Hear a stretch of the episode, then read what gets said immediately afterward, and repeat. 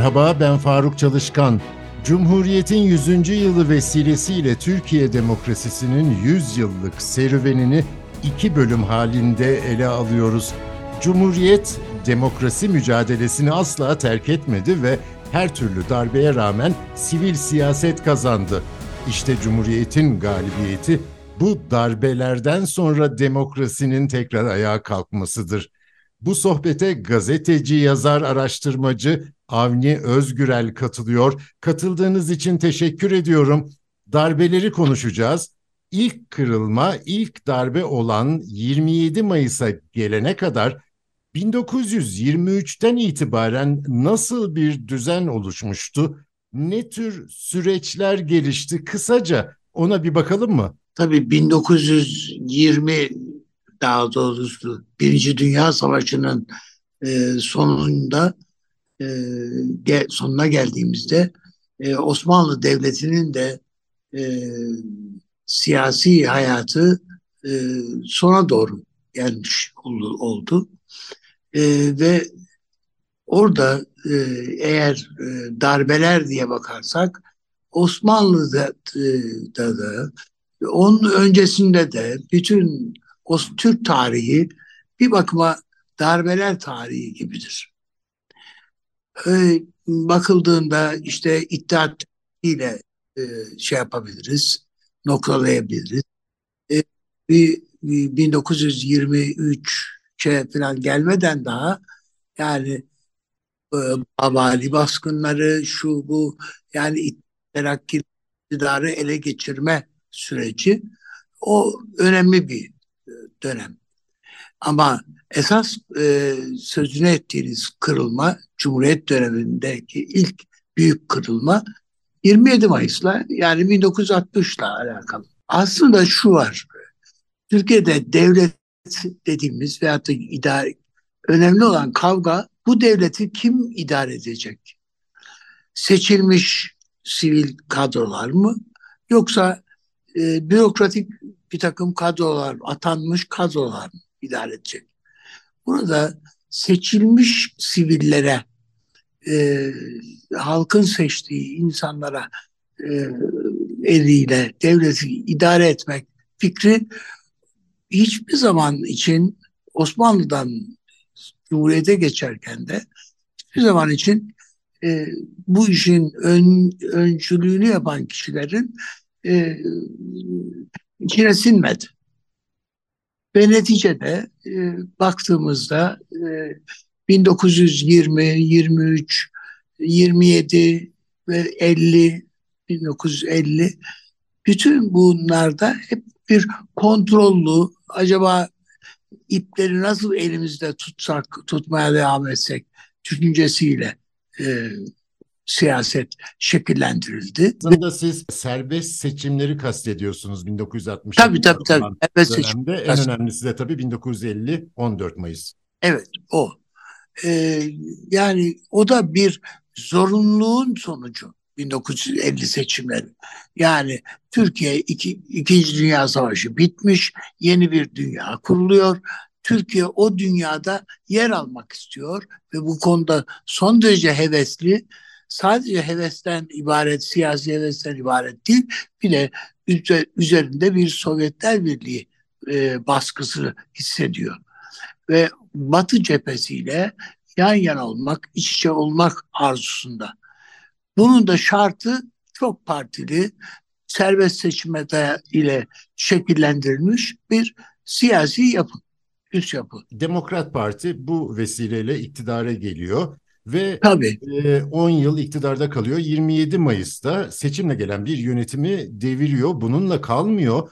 O yönetimin önde gelen isimlerinden üçünü idam ediyor. Bir junta evet. idaresi oluşuyor. Kendi içlerinde de çok iyi anlaştıkları söylenemez. Epey hesaplaşma oldu değil mi? Ama 5 yıl içinde de serbest seçimlere geçtiler. 1971'e kadar da bir süreç oluştu. E, e, belki hatta içlerindeki tartışmalara baktığınızda dahi orada acaba iktidarı bıraksak mı bırakmasak mı tartışması var o junta idaresinin içinde. Yani nitekim o 14'ler hadisesi aslında e, ya bir süre daha biz idare etmeye devam etsek düşüncesinin neticesinde gelişen bir olaydır.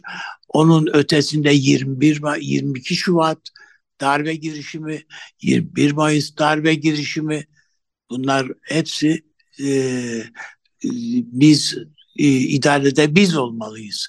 Asker olmazsa bu iş olmaz. Sivillere Türkiye emanet edilemez düşüncesinin ürünüdür.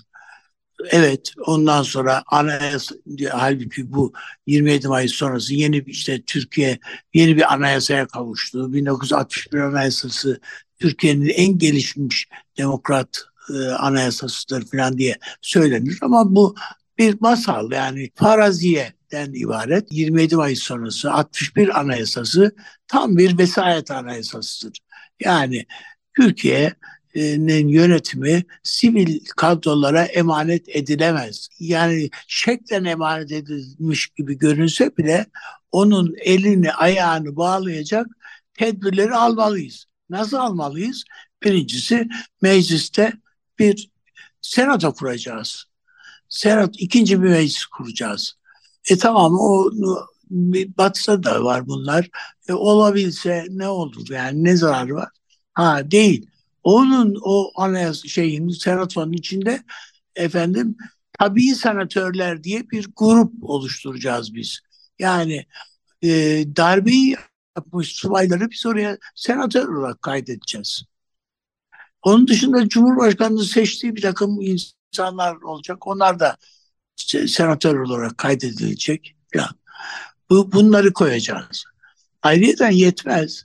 Ee, devlette hükümetin dışında e, zaten bir e, Milli Güvenlik Kurulu diye bir kurul var yani. E, bunun kararlarının aksine bir takım icraat sergilemesi siyasetçilerin düşünülemez bile. Bu e, tavsiye niteliğinde kararlar deniliyor ama o tavsiyeler uyulması şart e, olan tavsiyeler e, niteliğine bürünmüş. İkincisi bir anayasa mahkemesi kuruluyor. Bu da siyaseti denetlemek için. Yani siyasetin, meclisin çıkardığı kanunların denetlenmesi için bu anayasa mahkemesi var. Peki bu anayasa mahkemesinin üyeleri kim? E, 27 Mayıs'ta idam edilen e, ve ya idamla yargılanan e, Demokrat Parti kadrolarını e, ipe götürmüş e, cezalandırmış e, hakimler heyeti. Onların üyeleri Anayasa Mahkemesi'ne e, hakim olarak gelmişler. Bunlar da yetmiyor. Onun dışında da pek çok e, şey var. Ayak bağı var. Bunlara rağmen bunlara rağmen e, 1963'ten itibaren halk ne zaman kendisine sorulduysa sivil idareyi anlayışını temsil ettiğini düşündüğü insanları iktidara getirdi. Yani 65'te olsun, 69'da olsun e, hepsinde. Ve dediler ki yok hayır böyle idare edilmiyor. Yani bu, bu sonuçta bu e, itimat etmediğimiz kadrolar bir şekilde e, bir yerdeki betonu delip çıkan filizler gibi e, o bir yerden başlarını çıkarıyorlar. Biz buna izin veremeyiz. O arada Türkiye'de 1961 Anayasası'nın getirdiği ortamda sol hareket e, gelişmiş idi. Bu sol hareketin içerisinde işte e, bir milliyetçi sol diyelim ona ve bir işte milli petrol davasından tutun da anti Amerikan tavırları e, varana kadar bir süreç yaşandı ve orada bir Sovyetler Birliği'ne yakın bir sol ve daha böyle ulusal bir sol e, akım gelişti. Bunların da içerisinde o e, Sovyetler Birliği'ne ya da ulusal e, sol e, çizgiye yakın e, kadrolar e, dok, e, 1971'de bir darbe girişimini hazırladılar. E şimdi aslında yani, isim de verebiliriz. e, Madanoğlu evet. general, e, evet, İlhan general bir takım başka me e, medya mensupları e, bu işin evet. içindeydi. 9 Mart 1971 darbe girişiminden Aynen. söz ediyoruz ama Tabii. tarihin garip cilveleri de 71'de gerçekleşti. Siz onu nasıl görüyorsunuz? Şimdi bunlar tabii bir komedi gibi bazı şeyler gelişiyor. Bir junta kurulmuş. E, o juntanın e, başındaki insan Cemal Madanoğlu e, işte kendisini tarif ederken bile yakınlarına çok fazla bu işlere kafasının ermediğini, aklının ermediğini ifade edecek amiyane sözler sarf eder hatta. Ama işte İlhan Selçukların falan yönetiminde efendim e, bir devrim hareketi e, orada Doğan Avcıoğlu'nun öncülüğünde sergilenme e, sürecine başlatırlar. E, ve bu bu da bir darbeyle, askeri darbeyle gerçekleştirilecektir. 20 Şöyle Mayıs'tan bir, farklı bir tarafı var 12 Mart'ın. 9 Mart'ta. Tabii on, evet o 9 yapılmış 9 Mart. Mart darbesi ama evet. e, bu hani 9 Mart'ın koymak değil de bir muhtıra değil mi? Evet. Ama bu 9 Mart hazırlığının öncesinde e, bir takım askerlerle, askeri komutanlarla hatta ordu komutanları seviyesinde insanlarla bir ilişkisi de vardır bu e, Doğan Avcıoğlu grubunun. E, son bu çalışmaların e, son aşamasında Milli Güvenlik Kurulu Ankara'da e, Marmara Köşkü'nde toplandığında e, o zaman Fuat Doğu Paşa e, MİLT Müsteşarı e, Süleyman Demirel'in başkanlığında başbakan o olduğu için e, onun başkanlığında toplandığında e, MİT müsteşarına e, ordu komutanı Muhsin Batur diğer komutanlardan da serzenişler gelir ama e, Faruk Güller'den falan.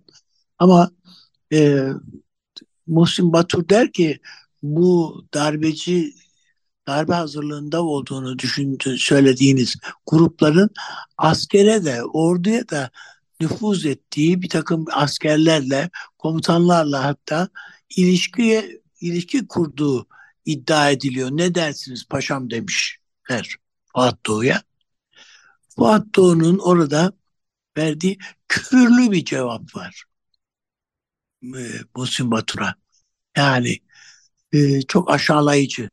Yani sen o darbe toplantısından çıkıp buraya geldin. Bana soru mu soruyorsun şimdi diye. Şimdi bütün bunların yaşan tabii onun akabinde bu önceden e, efendim e, Genelkurmay Başkanlığı ya da anlaşılmış olduğu için e, o istikamette e, orduda çok ciddi bir tasfiye süreci yine her noktada başlatılır ve e, bu işi nasıl atlatalım, bu darbe tehdidini nasıl atlatalım veya geçiştirelim, e, işte muhtırayla bu işi halledelim. Bu muhtırayla hem istemediğimiz siyasi kadrolar yani Süleyman Demirel'den kurtulmuş oluruz hem de bizim e, yönlendirme yönlendireceğimiz bir sivil kadro e, olur ve e, ele güne karşı yurt dışında filan da e, yabancıların nezdinde de sivil idare yani darbe yapmış olmayız. Sivil idarenin bir tür devamı gibi görünürüz denildi. Nitekim işte Cumhuriyet Halk Partisi'nin içerisindeki Nihat Erim'den e, yola çıkarak onun onu seçtiler çünkü. Onun başkanlığında bir yeni beyin kabinesi diye e, Dünya Bankası'nda filan çalışmış herkesi derleyip toplayıp buraya getirmeyi her zaman darbeciler sevmişlerdir. Oradan da işte Atilla Karosmanoğlu filan e, maliyenin, ekonominin başına getirerek e, bir yeni yapı kurdular. Teknokratlar ee, hükümeti kurdular. O da 1974'e kadar kabinesi. sürdü. Ama muhtıranın evet. bir e, mirası da herhalde e, işkenceler oldu değil mi? Hiç şüphesiz. Yani orada şimdi bir e, söyleşi sınırlarının içerisinde e, anlatmam mümkün olmayan ve gerekmeyen iğrenç bir takım şeyler de var. 12 Mart döneminde yaşanan e, ve insanlara o işkenceler Türkiye'de hem kamplaşmayı derinleştirdi hem de Türkiye'nin mevcut sıkıntılarına sıkıntılarını kabarttı. Daha da kökleştirdi ve e, öne çıkarttı, tekledi. Yerleşik o bakımdan ben, davalarının e, tohumları atıldı büyük ay, oranda. Hiç, hiç, e, aynen öyle. Yani 12 Mart'ın intikamı 12 Mart'ta yaşanan bu işkencelerin ve haksız yargılamaların e, intikamı 12 Eylül'ü getirdi Türkiye'ye. Şimdi 12 Eylül 1980'e kadar geçen sürede azınlık hükümetleri, koalisyon hükümetleri büyük bir istikrarsızlık, o zamanlar anarşi adı verilen e, evet. ideolojik çatışmalar, şehirlerde çok büyük sıkıntılı evet. günler ve 12 Eylül'e geliyoruz. 1971 ile 80 arasında yine serbest seçimler yapıldı. 1974'te, 1900 Tabii o yani hani 1979'daki e, şey, azınlık hükümeti kurulmasına yol açan ara seçim yapıldı. Evet. Adalet Partisi azınlık olarak iktidara geldi. Ve evet. 12 Eylül. E, gerekçesi neydi? E, bizim bugün terör dediğimiz anarşi evet. değil mi? Evet. Anarşinin önünü kesmek ve hani kardeş kavgasını önlemek filan gibi böyle bir takım e, şey e, ifadeler bu gerekçelerle. Ama bakıldığında gerekçeleri ne olursa olsun yani 27 Mayıs'ta da diğer e, askeri e, şeyler heveslerde de e, Türk Silahlı Kuvvetleri'nin içinde zaten her dönemde junta oluşmuştur. Her dönemde. Bu Atatürk dönemi de dahil buna. Yani vardır her zaman. Bir e, bu daha böyle alevlenmek için bir takım şeyler beklerler. E, bu bunun uygun zemin ortaya çıktığı vakit tekrar bir kabarma olur. E, ama bütün bu uygun zemin dediğimiz şeyin arka planına baktığınızda 27 Mayıs'ta da öyledir, 12 Mart'ta da öyledir, 12 Eylül'de de öyledir. Bunların tamamında Amerika Birleşik Devletleri'nin Türkiye'den beklentileri ve Türkiye'ye ilişkin tercihleri. Bunların hepsinin e, büyük rol oynadığını, belirleyici olduğunu görmemiz lazım. Bunu göz ardı edemeyiz. Yani öyle o hani e, şeye Amerikan başkanına bir kim yaptı darbeyi dediklerinde bizim çocuklar lafı sadece öyle laftan ibaret değil gerçekten o e, kendi yetiştirdikleri, ilişkiler kurdukları ve bağlantılarını sürdürdükleri ve kendi politikalarını Türkiye'ye dayatmakta e, kullandıkları insanlar. Bundan bahsediyoruz.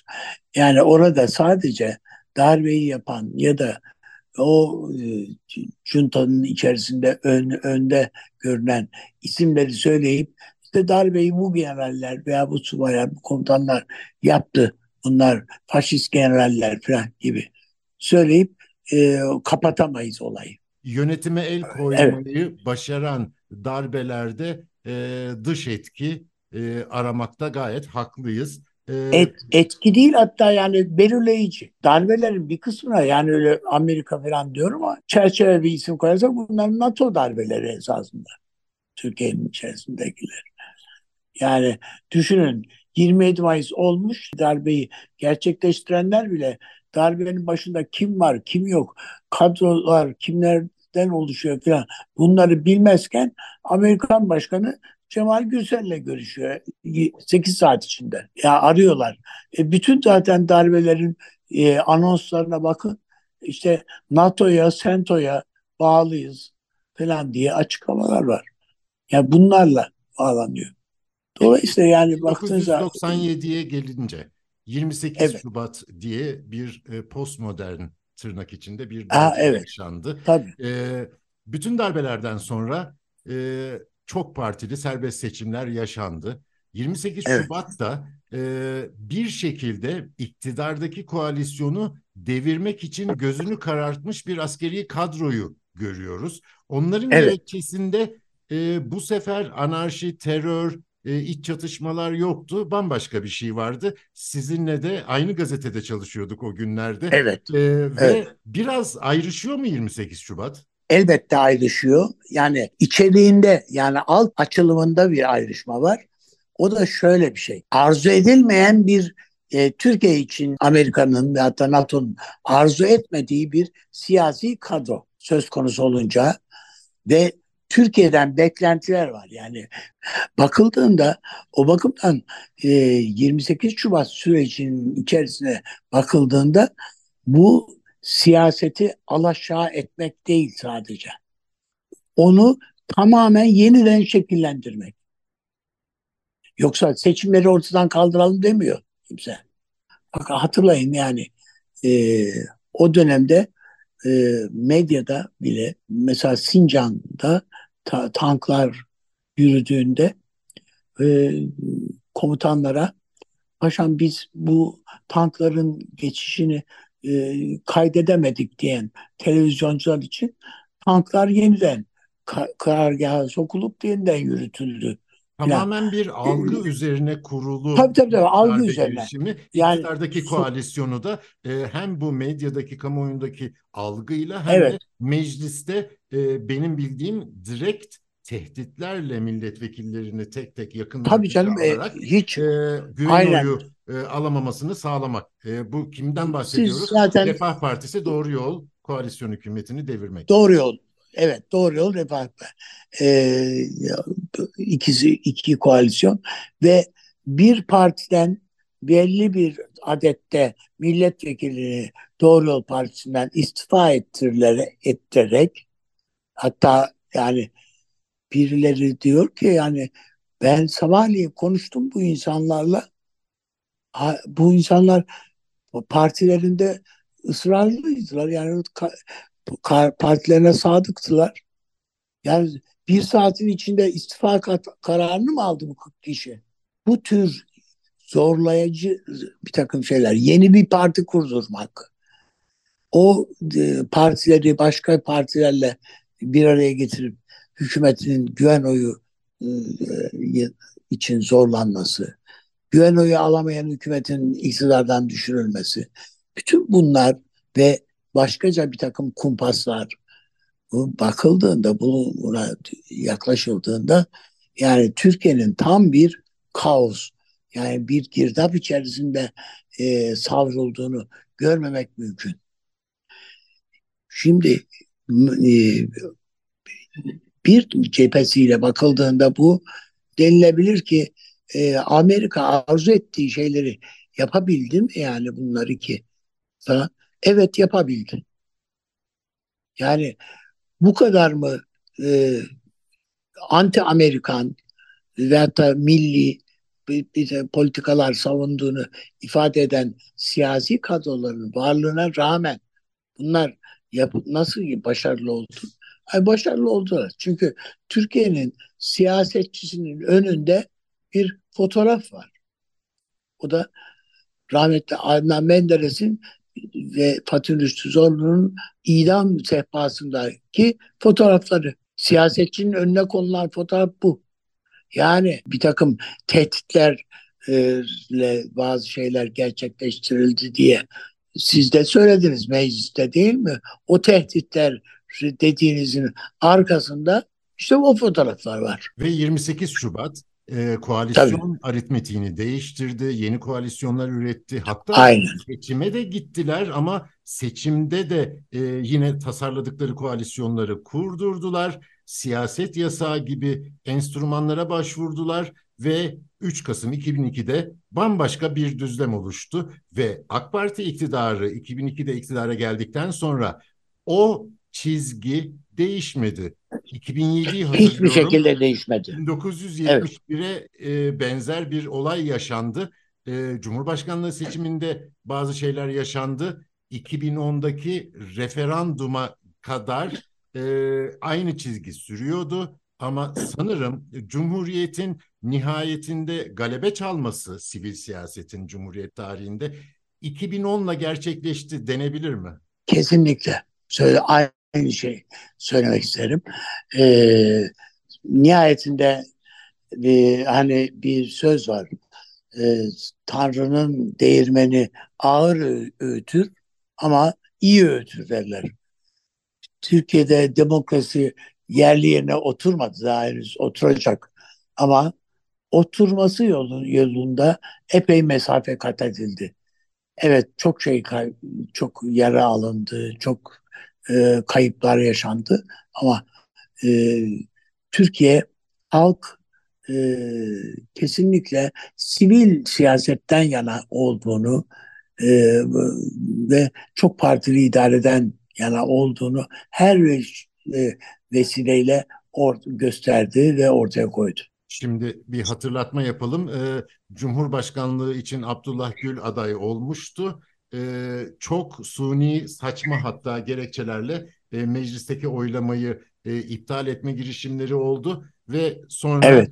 e, 2007 sonrası genel seçimler ve anayasa değişikliği referandumunu e, kastediyoruz. 2010 Evet. birlikte gerçekte e, yeni bir düzen kurulduğunu söyleyebiliriz diyorsunuz. Tabii şöyle bir şey söyleyeyim. Bakın 61 anayasasına anlatır, işaret ederken demiştim. Yani bu bir vesayet anayasası ve bu anayasayı koruyup kollamak için bir anayasa mahkemesi kuruldu ve o anayasa mahkemesine de Menderesleri idam eden e, hukukçuları getirdiler, oturtturdular. Yani siyasette e, bu gözdağıdır yani.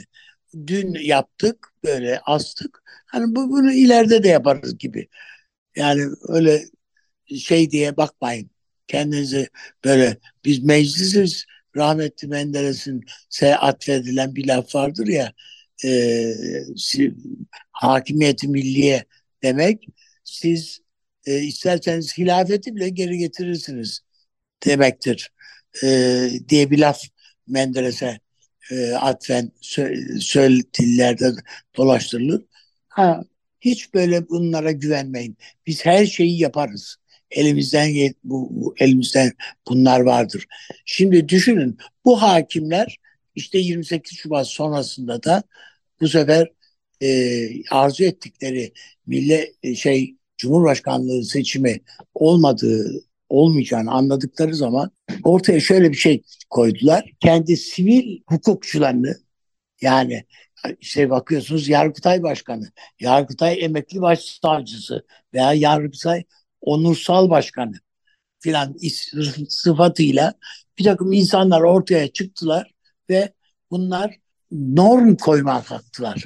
Şu kadar oy alamazsan şu kadar geçersiz sayılır falan gibi. Toplantı yeter Veya sayısı Toplantı yeter sayısı filan filan.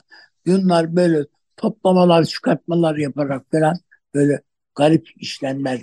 Ha, bütün bu oyunlar bozuldu nihayetinde ama Türkiye bütün bunların içerisinde çok enerjisini kaybetti.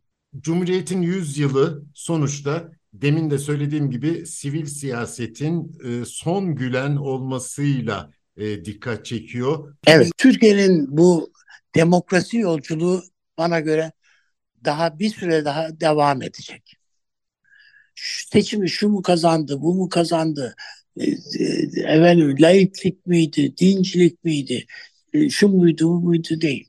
Benim ölçüm yargı, hukuk, adalet. Bu her noktasında, hayatımızın her noktasında yargıya, hukuka, hukuku hakim kılmışsak o zaman bu işi götürüyoruz demektir.